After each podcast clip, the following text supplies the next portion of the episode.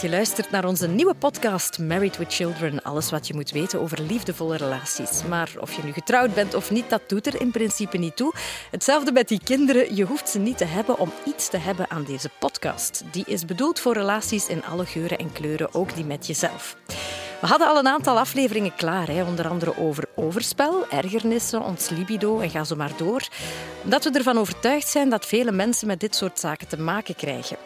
Ik zelf volg al een tijdje een uh, traject in de school voor relaties van Patricia van Lingen om zo beter te relateren met mijn omgeving, maar ook met mezelf. Enorm interessante zaken al geleerd van haar. En dus dachten we, hey, we gieten dat in een fijne podcast en maken die informatie toegankelijk voor iedereen. Zo was het idee ontstaan vorig jaar en hadden we dus voor deze coronacrisis al het een en het ander opgenomen. Onze podcast die stond klaar in de startblokken en laat nu net deze crisis het definitieve startschot geven. Want zeg nu zelf, de ene relatie loopt beter dan ooit, terwijl de andere op de klippen dreigt te lopen. We zitten in ons kot, de muren komen op ons af en corona doet dingen met ons die we niet altijd even leuk vinden. Cabin fever, dat heb ik al eens gehoord als uh, Engelse term voor de spanning, de druk en de stress die mensen vandaag kunnen ervaren omwille van deze nieuwe, uitzonderlijke en onzekere situatie. Ja, je zit, uh, het is alsof je samen opgesloten zit in een kajuit en het ene moment vaart de boot netjes vooruit met de flow mee en het andere moment gutst het water naar binnen en dreigt de boot te zinken. Bij ons zit Patricia van Lingen. Zoals je zal horen, Nederlandse van oorsprong, maar ze woont al een hele tijd hier in ons land. Patricia is relatietherapeute, mama van een zoon Dylan, vrouw van Philippe en ook auteur van twee boeken Relateren kun je leren en wat je zegt ben jezelf. Dag Patricia. Hallo Anne.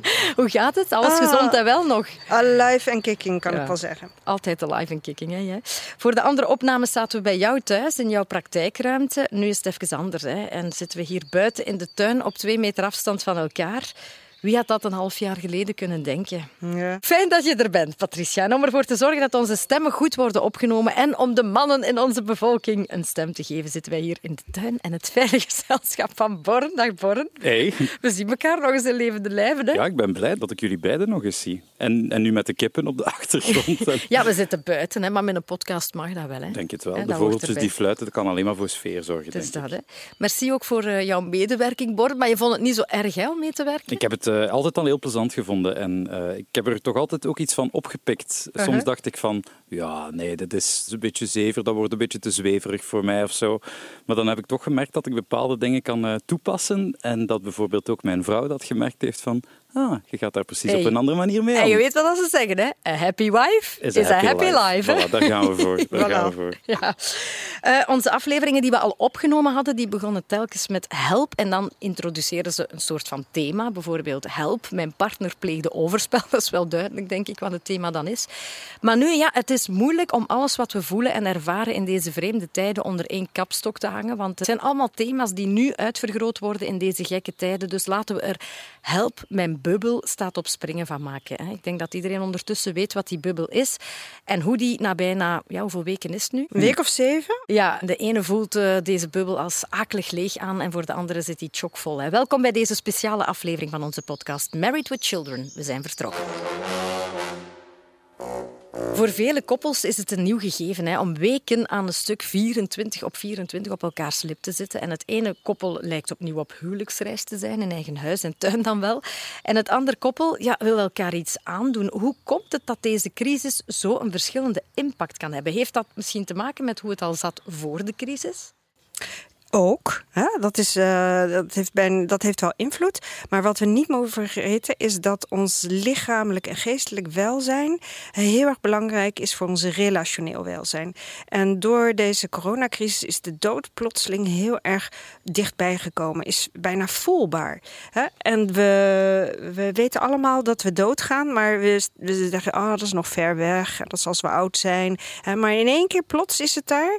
We hebben daar een collectieve angst over. Vergeet dat niet. Dat er hè, echt uh, over de hele wereld een angst uh, heerst. En doordat we in quarantaine zijn gezet, kunnen we hele eenvoudige dingen kunnen we niet meer. Waarvan niemand weet, wel bedenkt wat voor impact dat heeft. Maar voor mijn gevoel is die impact enorm. Ja, elkaar niet meer kunnen aanraken, niet meer kunnen afspreken. En goed, mensen zeggen je kunt dat virtueel, maar dat is niet hetzelfde. Ja, en ik weet niet hoe het met jullie zit, maar ik mis dat aanraken verschrikkelijk. Ja, ik, ik, ik, heb dan nog wel een partner thuis die, die kan aanraken. Maar omdat ik jullie niet kan aanraken, dat ik niet even een knuffel kan geven, dat is voor een week, twee weken is dat te doen. Maar echt voor lange termijn heeft dat enorme impact op ons welzijn. Ja, dus die twee samen, lichamelijk welzijn uh, geestelijk welzijn, dat bepaalt echt hoe we naar de volgende stap, het relationeel welzijn, beleven. En als dat al fout zat, als dat al strubbelingen had, als dat al gaat uh, had voor de coronacrisis, worden die gewoon uitvergroot. Mhm, mhm. Dus de basis voor ons gevoel van welzijn hè, en dus ook van ons relationele welzijn zijn die lichamelijke en geestelijke gezondheid. En die twee, daar zijn we nu, dat is allemaal niet meer vanzelfsprekend vandaag. Dus we gaan wankelen en we voelen ons ja, kwetsbaar. Hè? Ja, we voelen ons zeer kwetsbaar. Hè? Want er komen emoties los die we eerst ook al hadden. Maar ik zei net, die worden uitvergroot. En het is net belangrijk, hoe gaan we met die emoties om? Mhm. we hebben allemaal emoties. Hè? Dus ook al voor de crisis uh, bestonden er al emoties. En dat zal ook ver na deze crisis blijven. Dat hoort bij ons mens zijn. Mhm. en die emoties hebben we al vanaf onze geboorte. alleen worden die nu, die liggen meer open dan ooit daarvoor. Mhm. Eigenlijk kan je zeggen, want eh, deze tijd wordt al wel eens vergeleken met de oorlogstijd. En eigenlijk kan je zeggen dat dat klopt wat het betreft onze lichamelijke en geestelijke gezondheid. Mhm. Ook al vallen er dit keer geen bommen uit de lucht, die komen ergens anders vandaan. Mhm. Maar dus die kwetsbaarheid die doet blijkbaar dan toch verschillende dingen met verschillende mensen. De een gaat zich, uh, gaat zich heel angstig voelen, de ander gaat, gaat meer boos reageren op, op, op, op deze hele crisis. Dus die kan een heel palet aan emoties triggeren. Uh, ja, maar eh, weet, hè, soms kun je ook dichter naar elkaar groeien door angst. Hè, doordat mensen angstig zijn uh, in één keer voelen, oh, er komt iets van de buitenwereld af. Hè, die komen samen. Je zult vast ook wel kennen als je bijvoorbeeld vecht tegen een derde. Hè, mhm. dan, dan brengt soms mensen ook bij elkaar. hè, een, een, gevecht. Ja. ja. worden in één keer een team. met een gezamenlijk doel. Ja, met een gezamenlijk doel. Hè, dus uh, angst doet veel met de mens. En de een gaat die kant op van een, de angst wordt groter, de angst en het verdriet. En ze kunnen elkaar niet meer vinden daarin, omdat mhm. ze elkaar niet weten hoe ze ermee om moeten gaan en dat er te weinig erkenning is. En anderen worden door die angst en het verdriet juist naar elkaar toegedreven. Ja. Dus wat ik hoor is dat uh, de discussies vooral voortvloeien wanneer die emoties die er nu nog veel sterker dan anders naar boven komen, hè, omdat de situatie dat nu eenmaal uitlokt, dat daar eigenlijk niet op de juiste manier mee omgegaan wordt. Die worden niet soms niet altijd erkend. en vandaar, dat is dan de basis voor uh, conflicten in relaties. Ja, dat is, dat is heel goed gezegd. Ah, zo leuk. De haan doet ook mee. Of was dat de kip? Ga drie zit hier bij Born in de tuin. de haan. You gotta respect ah, ja. the cock. Ah, ja, dat is, oh, Born. Heel zo leuk. Die laat ook zijn stem horen. Ja, we hadden het, kijk, we hadden het uh, over emoties. En uh, ik zei het net al, hè, vanaf je geboorte zijn er emoties. En die kun je onderverdelen in natuurlijke en onnatuurlijke natuurlijke emoties. En eh, de natuurlijke emoties die we allemaal hebben, of je nou hier woont in het Westen of in Afrika of in uh, Lutjebroek of whatever, ongeacht welke ras, welke huidskleur, welke leeftijd, we kennen allemaal de vier hoofdemoties: bang, boos, blij en bedroefd. Mhm. En die vier hoofdemoties die vragen maar om één ding en dat is erkenning. Ja. En dat is niet alleen in coronatijden. Die vragen om erkenning eigenlijk vanaf het moment dat we geboren worden. Mhm. Helaas is dat niet altijd het geval en krijgen we als kind al niet de erkenning van de natuurlijke emoties die we nodig hebben. Mhm. En als er veel ontkenning is van natuurlijke emoties, ontstaan er onnatuurlijke emoties. Mhm.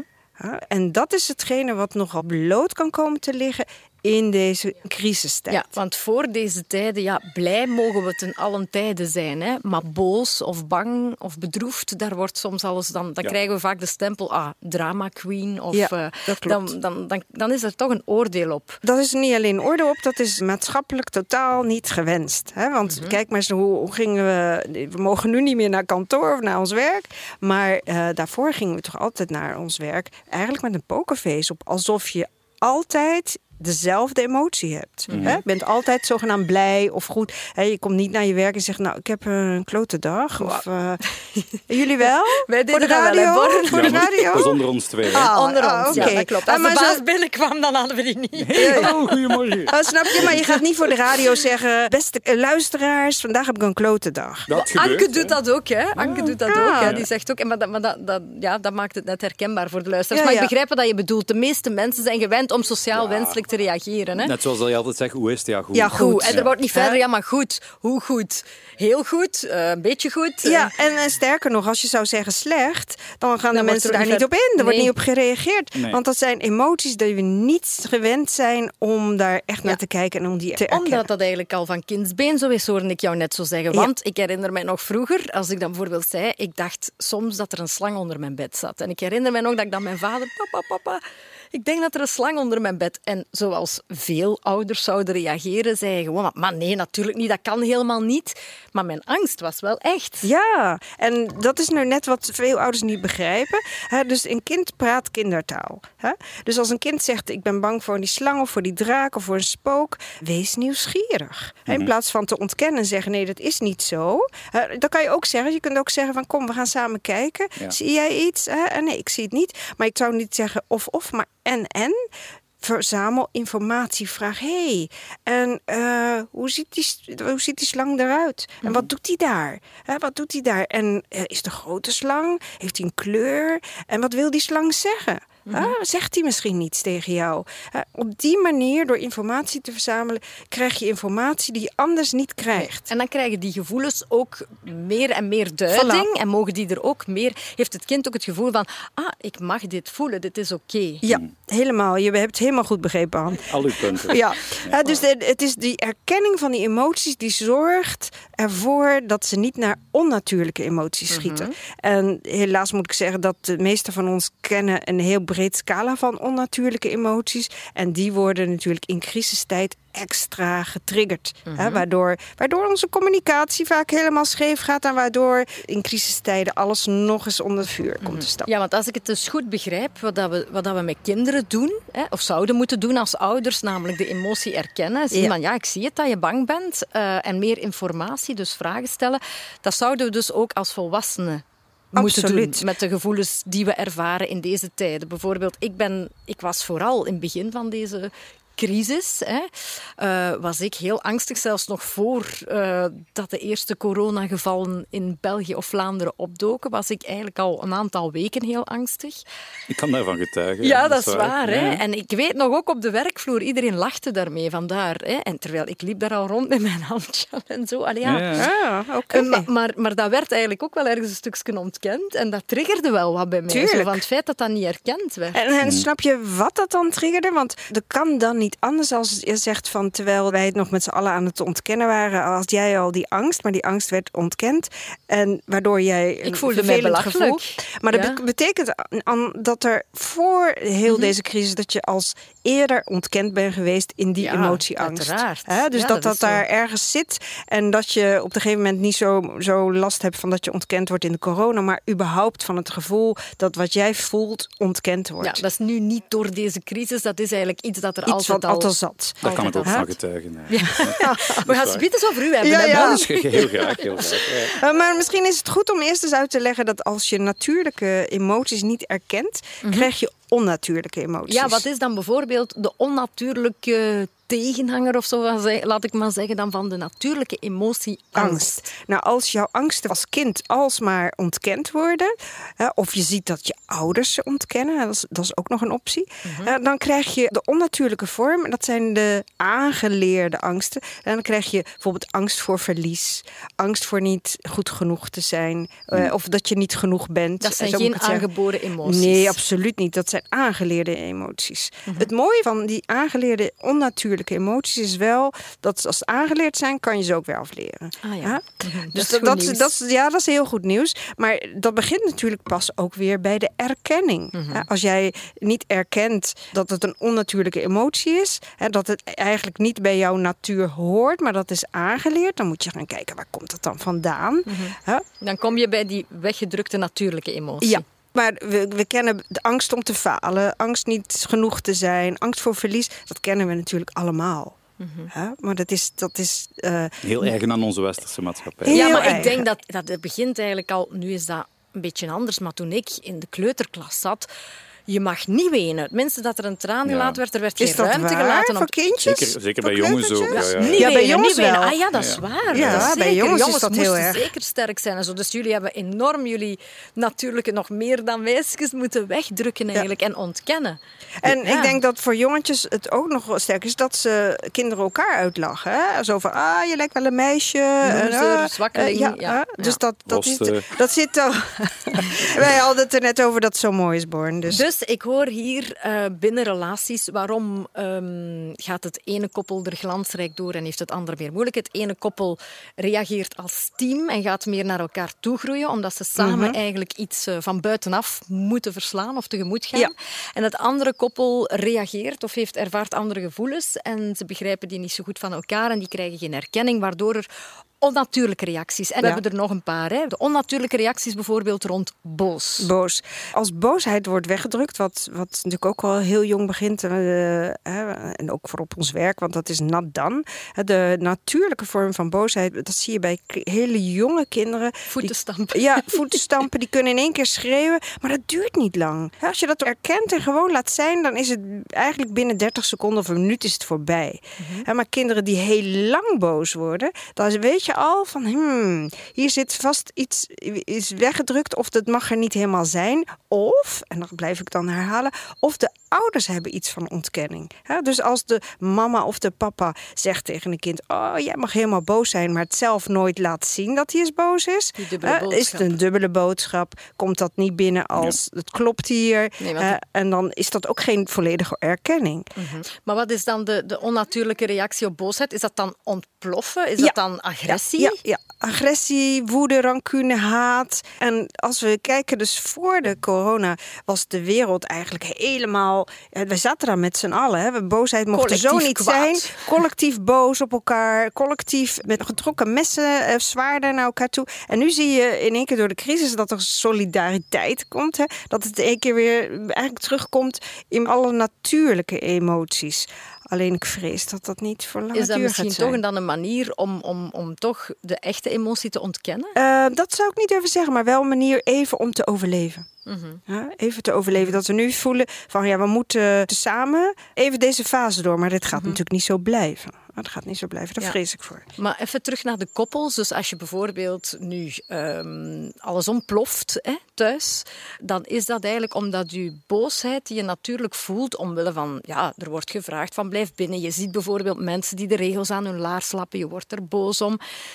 Dus dat die natuurlijke emoties niet erkend worden en daardoor ga je dan uiteindelijk een kort lontje krijgen en ontploffen. En ik zou het nog straffer durven te zeggen. Als je als kind veel ontkenning hebt gehad, dan heb je als volwassene veel erkenning nodig. Mhm. Hè? En die ga je dan ook zoeken als ik hou mij aan de regels en jij doet dat niet. En dan word je extra boos. Dat herken ik wel. Ja, ik ook. Als kind werd die die emoties erkend, maar dan heb je als volwassene, dat is, breng je dat mee. Hè? En dan word je boos als het daar, daar niet is. Dus het is niet alleen die boosheid om de situatie, het is eigenlijk ook boosheid Uh, van die wat er- er altijd al zat. Ja. Als er boosheid loskomt, eh, die boosheid zat er altijd al. Alleen die andere persoon of die mensheid of de Dat maatschappij, triggert dat. triggert. Maar dat zat Ja. er altijd al. Dus de- in deze tijden wordt onze persoonlijkheid een beetje uitvergroot. Ja, eigenlijk Ja. wel. Ja. Je zegt het heel goed. Ja, dan hebben we nog eh, blij en bedroefd. Ik, heb- ik kan me zo moeilijk voorstellen wat een onnatuurlijke emotie blij zou zijn. Ah, helaas doen we daar met z'n allen aan. aan.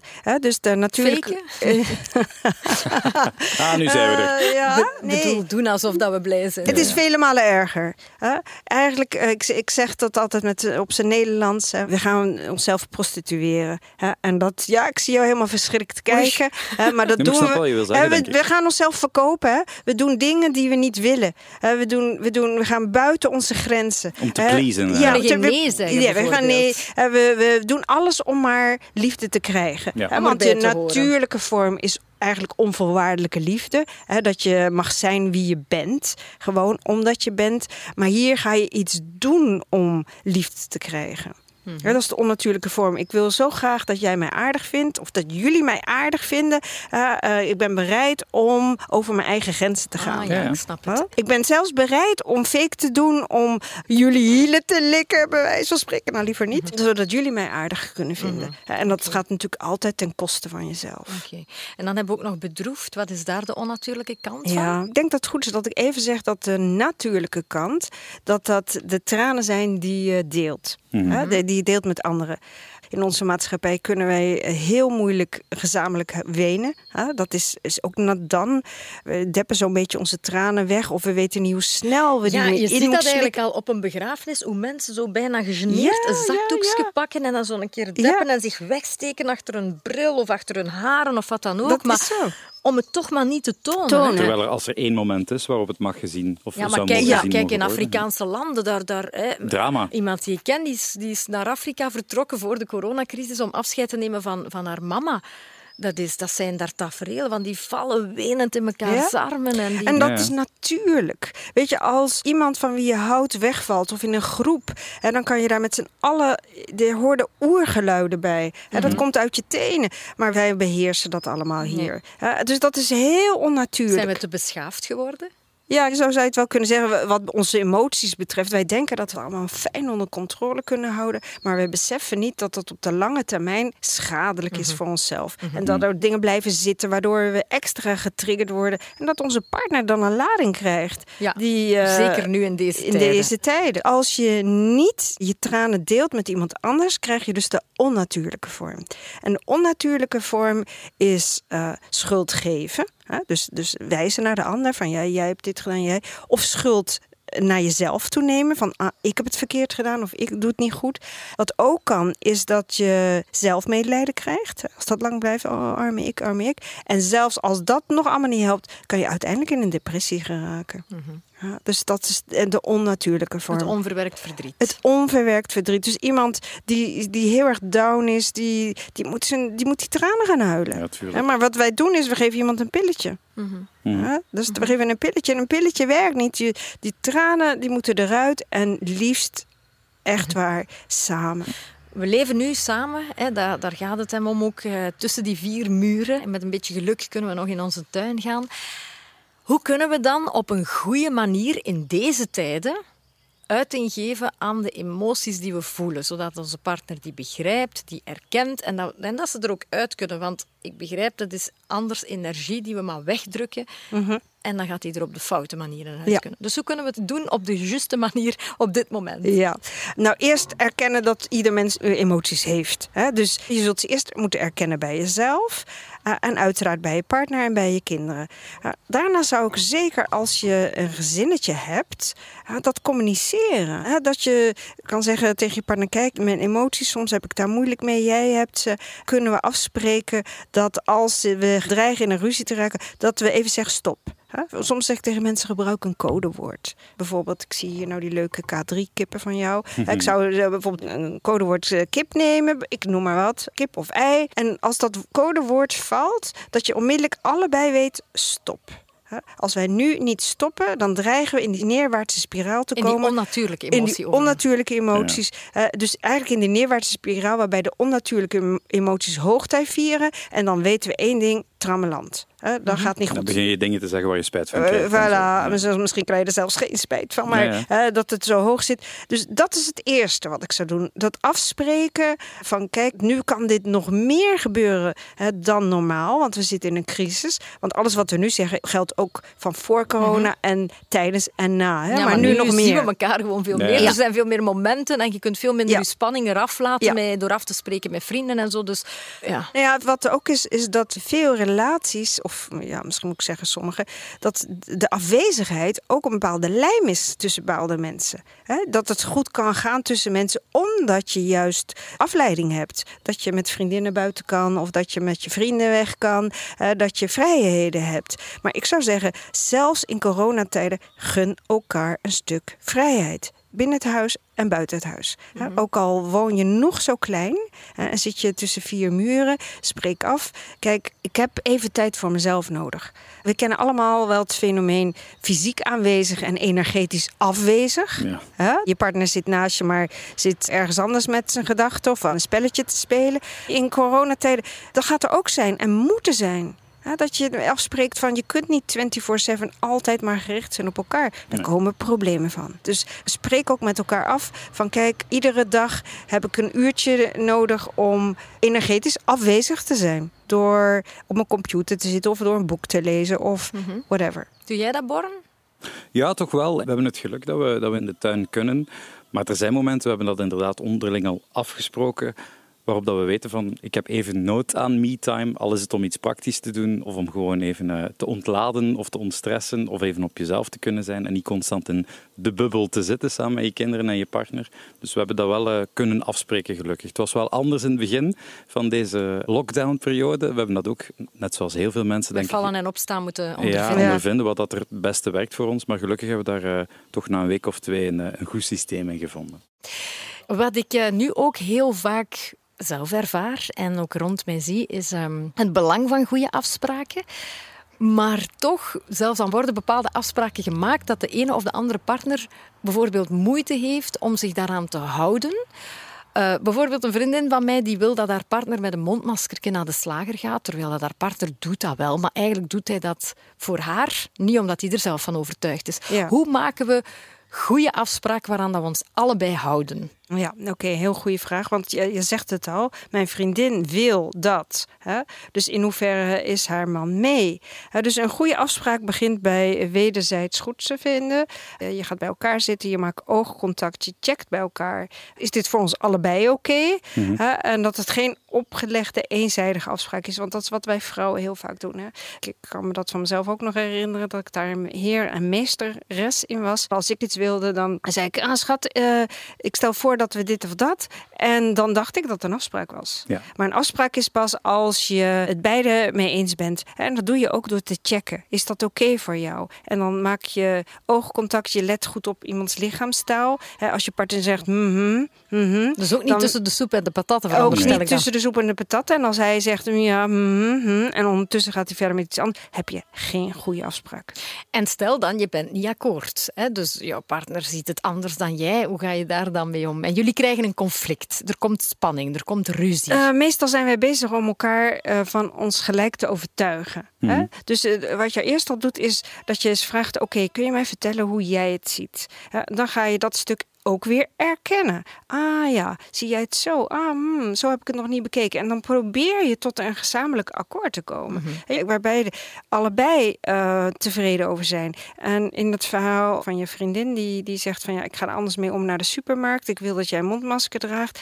Eh, misschien is dat voor hem helemaal geen goede afspraak, maar wil hij wel heel voorzichtig zijn en afstand houden? Houdt hij zich daar wel aan? Ja. En is dat voor hem beter dan een opgelegd iets, waardoor hij zich onderdrukt voelt, waarbij hij in het verzet komt en bij de eerstvolgende keer dat hem iets niet bevalt, krijgt zij de volle lading. Mhm. Ja, je hebt het al gezegd, mannen zijn daar wel gevoelig aan.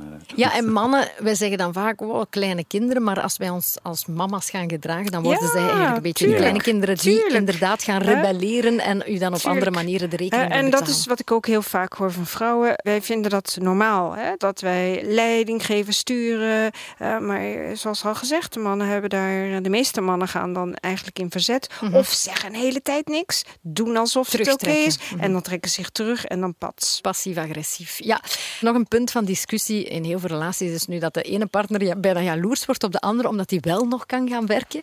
En dus eh, de ene thuis moet blijven. Het kan de vrouw of de man zijn, hè. dat is niet, niet echt gendergerelateerd.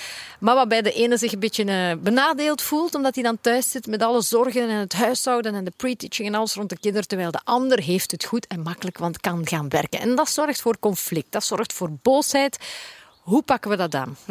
Ten eerste, conflicten werk je niet uit in het heet van de strijd. In tegenstelling wat de meeste mensen doen. Je komt met jouw verhaal, met jouw behoeftes, met jouw intentie op een moment dat het allemaal stroomt. Hè? Dus als het allemaal goed gaat, dan kun je zeggen: "Gast, schat, ik wil toch even terugkomen op wat er vanmorgen of vanmiddag of vanavond gebeurde.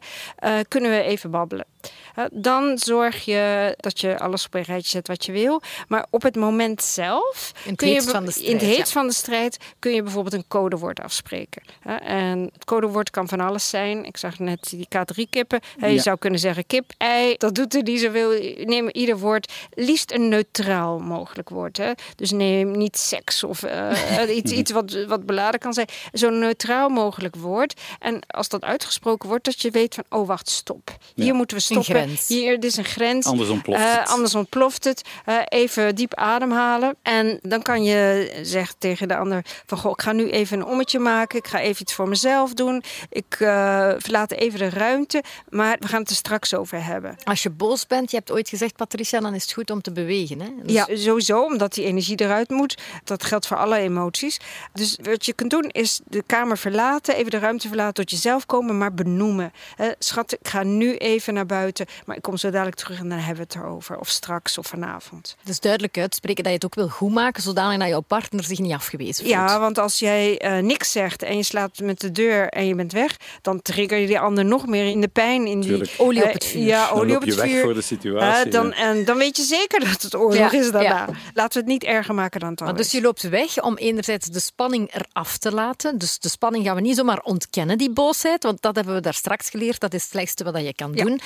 Hoe kan je er die dan op een eh, goede manier laten zijn? Hoe kan je daar dan uitdrukking aan geven aan jouw boosheid die je dan wel voelt? Nou, eerst benoemen. Hè? Dus eerst benoem je van, ik merk dat ik boos ben. Vaak weet je van, ik ben niet alleen boos om nu, vaak zit er iets anders onder. Maar je benoemt je boosheid. Ik ben nu boos, ik moet nu even, eh, ik zeg altijd, objectiveer je boosheid. Wat wil zeggen dat je je boosheid niet naar een mens brengt, niet naar een partner, maar ook niet naar een dier. Hè? Je gaat ook niet op iets levens kloppen.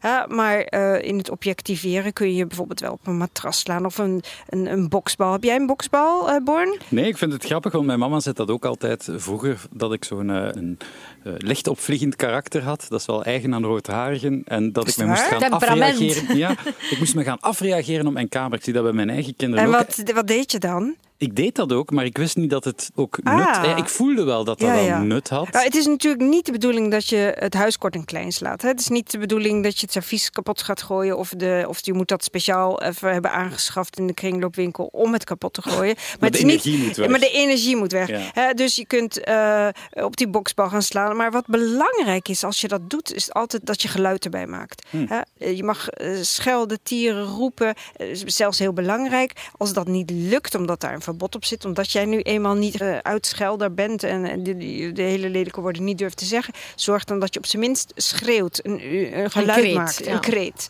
Hè? Dat is belangrijk. Eigenlijk is dat een van de belangrijkste zaken die erbij hoort. Anders roep je het op en je onderdrukt het gelijk weer en dan krijg je eigenlijk een Ja, dus van je roept het op, maar je moet het dan ook echt naar buiten, buiten, brengen laten. via Tuurlijk. je mond, Ja. dat dat door die Ja. keel naar buiten vloeit, hè, Ah. om het zo te zeggen. En dan mag je echt roepen, alles wat je eigenlijk echt aan je Het mag partner zo- zou willen roepen, Ja. dat mag je dan Ja, het uitschreeuwen. maar mag- dan tegen het object. Ja, Ja. tegen het object. Dat is de objectivering. Dus zo ongenuanceerd mogelijk. Hè, daarna heb je heel, wel een hele grote kans dat de laag daaronder vrijkomt. Dus het verdriet, het verdriet wat eronder zit. En ja, neem daar ook ruimte voor. Erken Mhm. die emotie ook. Hè. Eh, huil je tranen. Huil je tranen. En die kun je delen met je partner. Ja, als want vanuit verdriet is het makkelijker om een conversatie Tuurlijk, aan te gaan tuurlijk. dan van, Eh, en, en wat eh. gebeurt er als jij met, je, met die laag eronder komt, dus dat verdriet, eh, dan gaat het hart van de ander direct open. Ja. Je partner Dan is kan je ook op een veel geneigd. rustige manier met elkaar spreken. Absoluut. Oké, dus ik heb dan mijn kwaadheid kunnen uiten. Ik heb mijn man even uitgescholden eh, tegen het hoofdkussen. Ik heb erop geklopt, ik heb geroepen.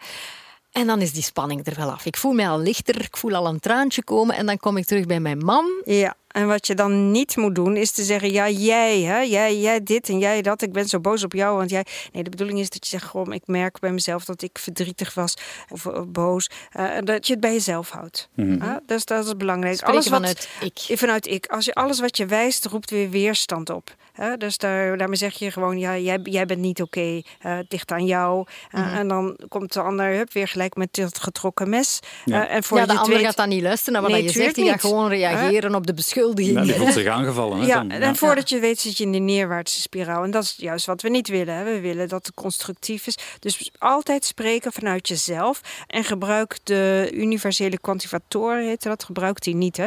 Dus je? altijd, altijd, nooit, Ah ja, iedereen. want dat klopt niet, hè? Het algemene ja. zo. hè. Ja, dat klopt niet, hè? Oh, ik word er ook zo, van. Dus dat je zegt, je doet nooit de deur dicht. Ah, ja, hè. ja. Eh, nooit, dat, dat, dat klopt Ik heb ze niet. gisteren nog ja, dicht gedaan. voilà, hè. Maar Altijd hetzelfde het is altijd hetzelfde. Dus Ja. dat, nee, dat- ik heb jou toen nog Snap vastgepakt. je, Born, als ik dat tegen jou zeg, je neemt het nooit goed op, hè, dan komt er onmiddellijk weerstand. Want jij, jij denkt aan die keren dat je het wel goed hebt Ja. gedaan. Hè, en aan die drie keer dat je toevallig vergeten was. Dat wordt dan weer eh, uitvergroot dan en weer veralgemeend, uitvergroot. ja. En huppatee, voordat je het weet ben je weer in de weerstand. De neuzen Ja. zijn van elkaar af in plaats van elkaar toe. Wij vrouwen hebben daar, zijn daar wel een beetje meer toe geneigd, denk ik, dan mannen. Wat ik vroeger deed, is dat als ik, me, als ik het niet kon winnen, zo'n zo'n gesprek, dan ging ik mijn vriendinnen erbij halen. Iedereen, en iedereen zegt dat. Oh, verschrikkelijk. Eh, iedereen zegt En dat. die haar man hè, doet wel eh, Ah, ja, jullie herkennen het. Jullie Ja. herkennen het dus. ja. Hè? Dus, de- hè, dus je voelt wel, Middelborn, dat dat enorme weerstand op Dus Ja. doe dat niet. Praat gewoon over jezelf en laat je, de, je, je vriendinnen erbuiten. Ja, Mhm. liefst. Oké, dus bij deze is er al een conflict met de partner opgelost, waarop we boos zijn, bloed van onder de nagels. Maar we wonen niet alleen met onze partner samen, vaak zijn er ook kinderen die eh, bij ons wonen. En die ook wel eens eh, soms het bloed van onder de nagels kunnen halen. Dus ja, de communicatie met kinderen verloopt anders dan met volwassenen. Maar ja, hoe daar- pakken we dat dan aan? Op Ja. dezelfde manier ook zeggen van kijk, Toch mama wel. heeft het even moeilijk. Ik moet even weggaan om de stoom eraf te laten, want het is niet, niet evident voor Ja. niemand. Ja, zo open, helder en transparant mogelijk. Wees zo oprecht eh, mogelijk als je kunt. Natuurlijk altijd heeft dat met taal te maken. Tegen een driejarige communiceer je nu eenmaal anders dan met tegen een acht, negen of tienjarige. Hè, maar wat, wat belangrijk is, dat je, eh, ik zei het al, open, helder en transparant, maar ook benoemt. eh, als jij tegen je kind zegt, ah, je mag, je mag boos zijn. Ik zie dat je boos bent. Hè, dus erkennen, wat heel goed is. Maar je bent het zelf niet. Hè, dat je nooit ziet dat jij boos bent. Dan geef je dus een dubbele boodschap. Wacht, als ik het goed begrijp, dus niet zeggen tegen je kind, om het nu in een andere emotie te zeggen, je hoeft niet bang te zijn en je dan om te keren en dan toch dat je kind ziet dat je bang bent. Ja. Het goede voorbeeld geven. Ja. denk Ja, ik, dus ja. het kind gaat zich spiegelen aan wat je toont en niet wat je zegt. Ja, juist. En laten we heel eerlijk zijn, in deze coronatijden zijn we allemaal bang. Hè, En want- onzeker, en onzeker. Want voorheen dachten, wisten we allemaal hoe onze toekomst eruit zag. Althans, dat dachten we. Hè, En nu weet niemand het meer. Hm. Dan mogen we dan zeggen tegen onze kinderen van ja, ik weet het ook even niet. Ja, maar wat ik wel weet, is dat ik er voor je ben en voor jou Ja. zorg. Het komt goed. Ja. Weet je, dan, dan komt er een rust. Het is eerlijk om te zeggen, ik weet het ook even niet. Hè, en niemand weet het nu. Maar één ding weet ik zeker, ik ben er voor jou. Wij lossen dit op en het komt goed. Dus dat veilig kader toch terugscheppen voor hen. absoluut. hè? Maar wel eerlijk Ja. zijn Ja. natuurlijk over de emoties Ja. Die je voelt. Wanneer je met je kinderen spreekt, is het, eh, zou het, is het ook heel goed om in oogcontact te zijn. Je kunt hun handen vasthouden, hè, zodat, er, zodat er echt verbinding ontstaat. En vanuit verbinding, hartsverbinding is dat, dan eh, kun je op een hele andere manier communiceren. Ja. Hè, en, en by the Dat way, werkt waarschijnlijk ook bij de partner. ja, absoluut, absoluut. Hè, zelfs als je boos bent, sterker nog, dat, zou, dat is een van de manieren om je boosheid ook te verminderen. hè, door oogcontact te maken, door elkaars handen vast te houden. En nog beter, ik weet er zelfs nog een derde bij, is dat je eh, afspreekt dat je één woord zegt, bijvoorbeeld een zin hè, met, met vijf woorden, en dat je tussen ieder woord 30 seconden laat. Dus ik, en dan 30 seconden niks, ben, 30 seconden niks, boos. Dus die drie, Dan is de boosheid weg na Ja, anderhalve weg. minuut. Ja. Maar ja, ontken je ze dan niet? Nee, Onderdruk nee, nee. je ze dan niet? Nee, nee, Nee. nee, toch niet. Hè? Want je doet het in oogcontact, je doet het in fysiek contact, waardoor het wel de ander ziet dat je boos bent. En je ik denk dat de tranen dan heel dat- vlug komen. Ja. Ja, dat Ja. denk ik wel. Maar wat wel is dat veel mensen die boos zijn, die willen dat niet. Hè, Dus je moet jezelf. Ja, ik vind dat je wel moeilijk om net op dat moment wel Ja, maar daar- degene op wie dat je boos bent, toch dat contact te Ja, maken. maar dat soort afspraken kun je van tevoren maken. Van kijk, hoe boos we ook zijn, ben je dan bereid om dat te doen? Hè, want jouw intentie, jouw intentie is om samen oud te worden, als het goed is. Hè, Jouw intentie is om er te zijn voor het gezin. Hè, een intentie is om die crisis te overleven als eerst. Hè, dus vanuit dat stuk kun je gewoon ook duidelijk afspraken. Hoe boos je ook bent, die afspraak maak je met jezelf. Hoe boos ik ook ben, ik ga dat wel doen. Hè, En misschien in het begin doe je het met verzet, maar je merkt, zult merken hoe langer je dat doet, hè, hoe makkelijker het gaat. Mhm. de codewoorden kip en ei komen we hier Ja, ja.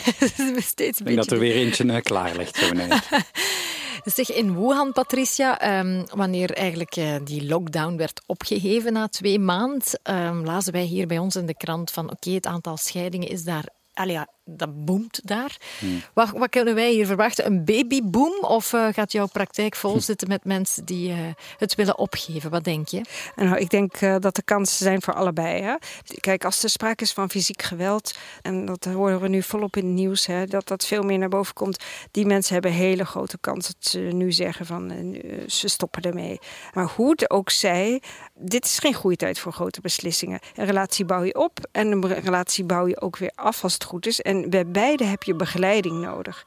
We kunnen twee kanten op. Uh, of heel veel scheidingen, of juist mensen die zeggen: wacht, uh, die terugvinden meer bij elkaar. Die terugvinden, die in de eerste weken, heb ik ook al veel gehoord, mensen die het in de eerste weken heel moeilijk vonden, ja. maar langzaam daarin bij ons groeien. Is dat zo. In het begin uh, ja. heel veel verzet bij allebei, heel veel emoties die nieuw waren. En, en nu, nu beginnen we echt goed in, samen te in, werken. Ja, te groeien. bij ons. Ja, ik, ik, heb dat van diverse mensen gehoord. dus daarin worden nieuwe mogelijkheden, omdat we juist vertragen, omdat we meer aangewezen zijn op elkaar. Ja, dan en kan die dat ook heel verbindend die we zijn. voelen, we kunnen er niet meer van weglopen. Dat hè? is ook heel fantastisch. Hè? We kunnen niet in ons werk weglopen of we kunnen niet naar onze vrienden lopen. Dus die, die, die, die moeten wel vroeg op la of laat besproken worden. Hè? En alleen komt dat nu in een stroomversnelling en wordt het nog Ja. allemaal veel uitvergroot. Hè, Ja. En kijk, voorheen wisten we ook allemaal al voor corona dat we moesten vertragen. Hè? Maar Ja. nu, nu zijn we allemaal verplicht. noodgezongen Ja. eh, verplicht om te vertragen. En die vertraging kan ook maken dat we juist dichter bij elkaar komen. Dus Ja. ik zie twee kanten op. Ja. Mhm. Dus ik onthoud vooral eh, geen grote beslissingen nemen, behalve natuurlijk als er echt sprake is van fysiek geweld, dat niet Ja. door de beugel kan, emotioneel geweld. Maar anders wachten tot alles een beetje terug normaliseert, omdat nu heel veel emoties enorm uitvergroot zijn. Dus geen grote Ja. beslissingen nemen. En ik hoor je zeggen dat alles normaliseert. Misschien is dit wel het, het nieuwe normaal. Ja. Ja. Hè? Dat we juist eh, kijken naar wat is nog echt. Wat hebben we met elkaar? Wat kunnen we met elkaar? Wat wil We zullen allemaal moeten Ja. gaan samenwerken. Eerst met onszelf samenwerken eh, op microniveau en samenwerken op macroniveau. Ja. Ik heb nog eens een vraagje en dat gaat eigenlijk over ehm, relaties die kunnen veranderen van aard dan met dierbaren die komen te gaan. Want heel veel mensen worden nu geconfronteerd met een overlijden. Ehm, vaak zijn dat oudere mensen waarvan dat je wel al weet van oké, dat, allee, dat je al een soort van overlijden kan verwachten, maar dat nu ook wel in de stroomversnelling terechtkomt. Eh, in uitzonderlijke gevallen zijn het ook jongere mensen, maar hoe dan ook.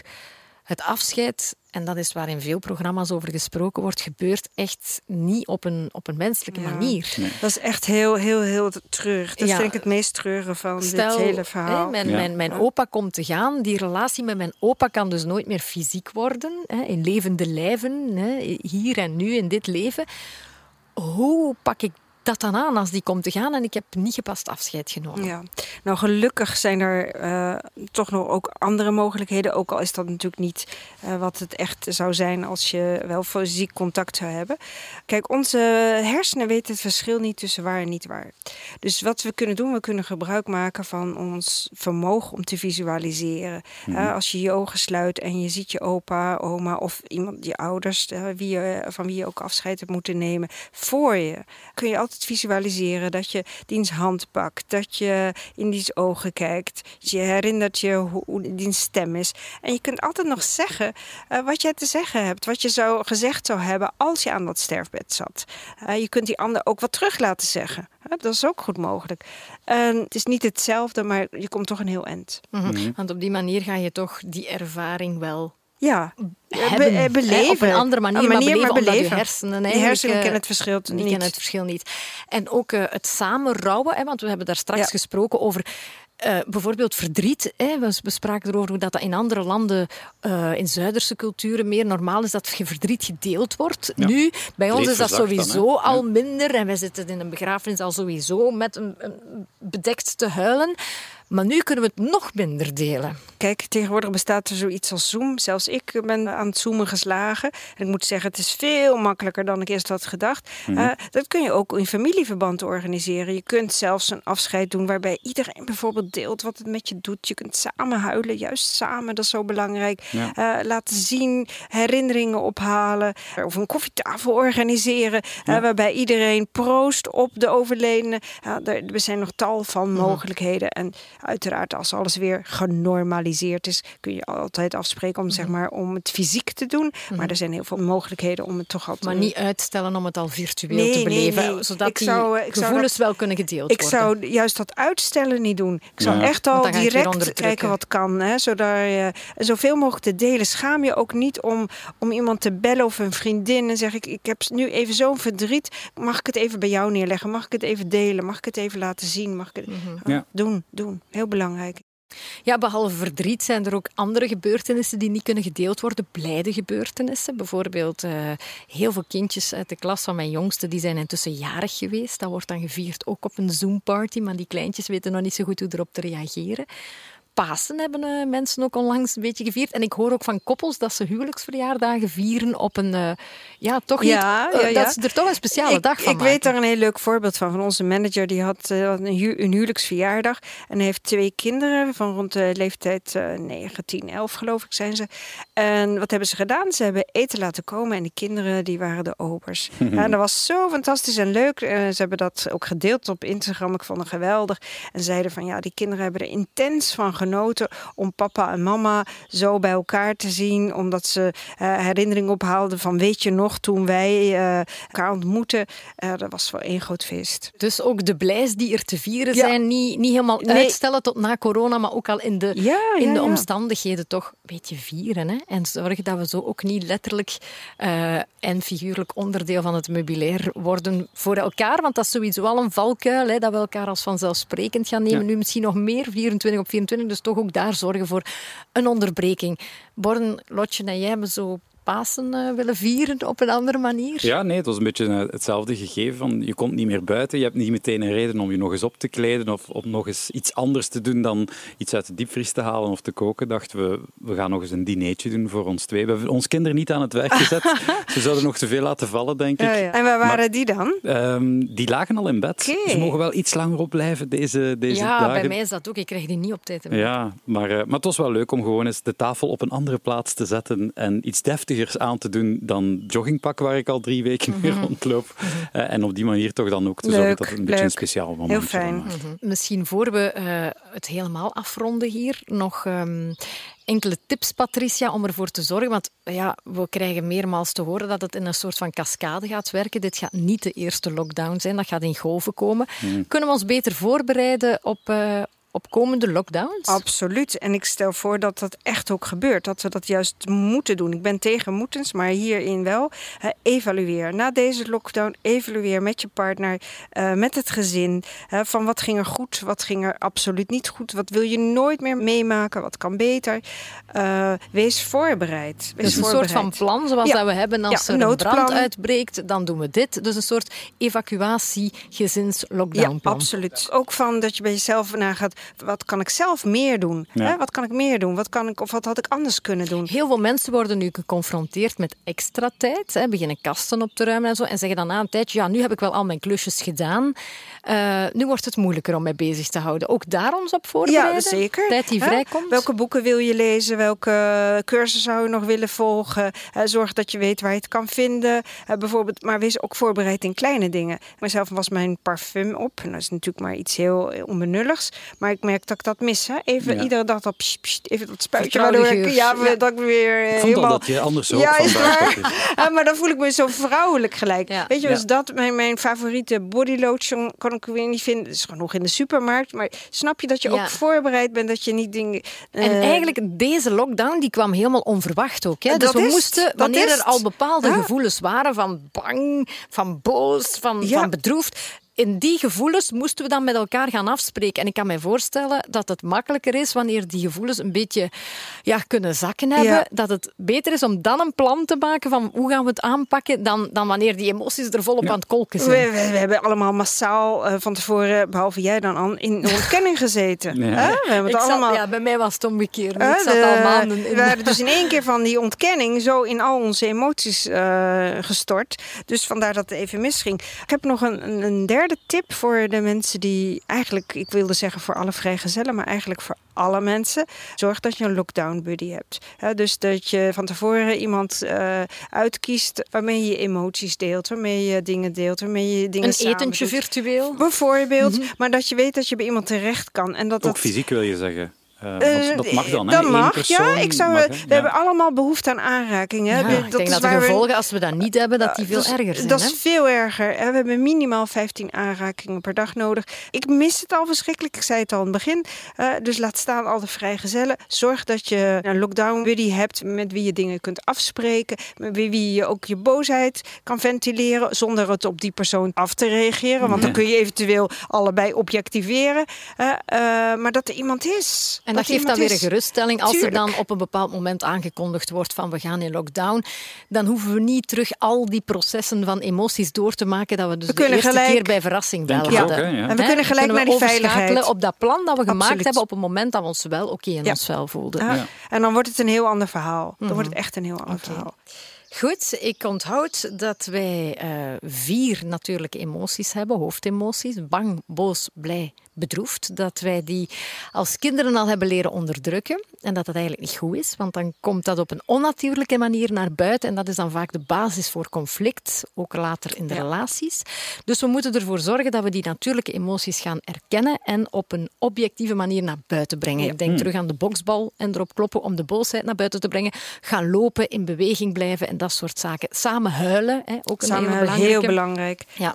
Ook heel belangrijk als je spreekt met je partner, spreken vanuit je gevoel. Begin je zin met ik, ik voel me, in plaats van jij doet altijd dit of jij doet altijd dat. Want dan komt de partner sowieso in de tegenaanval. Nog meer conflict, olie op het vuur. En neem in deze tijden geen grote beslissingen, want... eh, onze gevoelens zijn op dit moment een nog grotere rollercoaster dan anders. Dus eh, even wachten tot alles terugzakt. En dan bekijken hoe de zaken zijn en evalueren. En mild zijn voor onszelf en voor elkaar. En vooral ook als dit voor een stukje al achter de rug is, of dit deel 1 achter de rug is, samen een plan maken voor de toekomst. Voor als dit nog eens gebeurt, waar je dan op kan terugvallen. Samenwerken is heel belangrijk. Mhm. En bedoel ik niet alleen mee samenwerken met de ander, maar ook met jezelf. Ja. Dat je goed jezelf onderzoekt. Wat wil ik zijn? Wat zijn mijn behoeften? Wat kan ik wel en wat kan ik niet aan? Mhm. Alles begint eh, bij bewustzijn. Als jij bewust bent van wat je voelt, wat je denkt, wat je wil, Mhm. eh, dan is het veel makkelijker communiceren. En dan Ja. kun je ook eens vragen aan je partner. eh, Dus dit, dit is wat ik ervaar, voel, wat ik wil. Ja. Hè, met, hier zit mijn bewustzijn op. En hoe zit dat eigenlijk misschien- bij jou? Hoor ik dan ook, voordat je er met je partner over gaat spreken, hoe dat je je voelt, eens even met jezelf spreken. Ja, van, hoe voel ik mij nu absoluut, eigenlijk? absoluut. Hè, dat is misschien wel de Eh, dat- basis. ja, ja, zeker, absoluut. Daarom zeg ik, het samen checken bij jezelf. Eh, communiceren begint niet bij je partner. Jij en je partner begint altijd eerst bij jezelf. Eigenlijk begint altijd alles. En dan in- breng je het naar En dat buiten. is Ja, toch voordat je je handen vijf keer gewassen hebt. Ja. Ja, en ik onthoud het ook wel in, eh, in het proces van rouwen, of in, als je iets te vieren hebt, of, of, of het omgekeerde, dus in al die emoties. Stel niet alles uit tot na deze tijd, wanneer het weer mag. Probeer toch wel al uiting te geven door te delen. De blijdschap, is er iets te vieren, en het verdriet als er een verlies is. En visualiseer wat je nog tegen de persoon had willen zeggen, of hoe je wel had afscheid willen nemen, want dan heb je toch op een bepaalde manier wel die ervaring. Ja, en wat ik er toch nog even aan wil toevoegen is waarom het zo belangrijk is dat je nu al iets moet doen, is omdat als jij verdriet hebt en je hoopt dat op, hè, je gaat er, je, je denkt ja, ik ga daar komt pas mee na coronatijden, je batterij loopt leeg, dus je hebt je, Je moet veel te veel energie je moet steken om veel dat te- weg te om dat weg te steken. Ja. Eh, met gevolg is dat je een korte lontje krijgt of lange tenen. En de ander hoeft maar dit te doen en patje zit er Mhm. bovenop. Dus altijd eh, emoties erkennen bij jezelf. Ga desnoods naar je corona-buddy. Als je het niet met je partner kan doen, maar deel, deel, deel. Mhm. Oké, ik denk dat we hiermee eh, de belangrijkste zaken op een rij hebben gezet. Eh, in deze aflevering Help Mijn Bubbel staat op springen. Als je nu de smaak te pakken hebt, je wil meer van dit, dan hebben wij nog een zestal afleveringen klaarstaan. En die zijn interessant. Hè? Ja, Born, jij... Uh... Oh ja, ik heb, ik heb het al gezegd. Liefdesvalkuilen, dat was voor jou een leerrijke, hè? Ja, en uh, verschillende, dat was een zeer leerrijke. En uh, waar mijn oren altijd een beetje van flapper was dan de verschillende libido's. En, ja, ja, dat is toch weer typisch mannen, hè? ja, ja, naast het Dat is interessant, dat is interessant. goed, Patricia, bedankt voor jouw zeer deskundige uitleg. en heel veel tips, bruikbare tips, die we zo direct kunnen toepassen in deze rare tijden. Born, bedankt voor uw input. Bedankt en de kippen en de haan. De kippen, oh, maar ja, zo. Die waren gratis. Ja, ja, ja. En om alles zo goed op te nemen. Hè. En aan iedereen die luistert ook bedankt. Hè. Hopelijk horen we elkaar snel terug in een nieuwe aflevering van onze podcast Married with Children. Alles wat je moet weten over liefdevolle relaties. Bye bye. Love and marriage, love and marriage go together like a horse and carriage. Dad was told by mother, you can't have one, you can't have one without.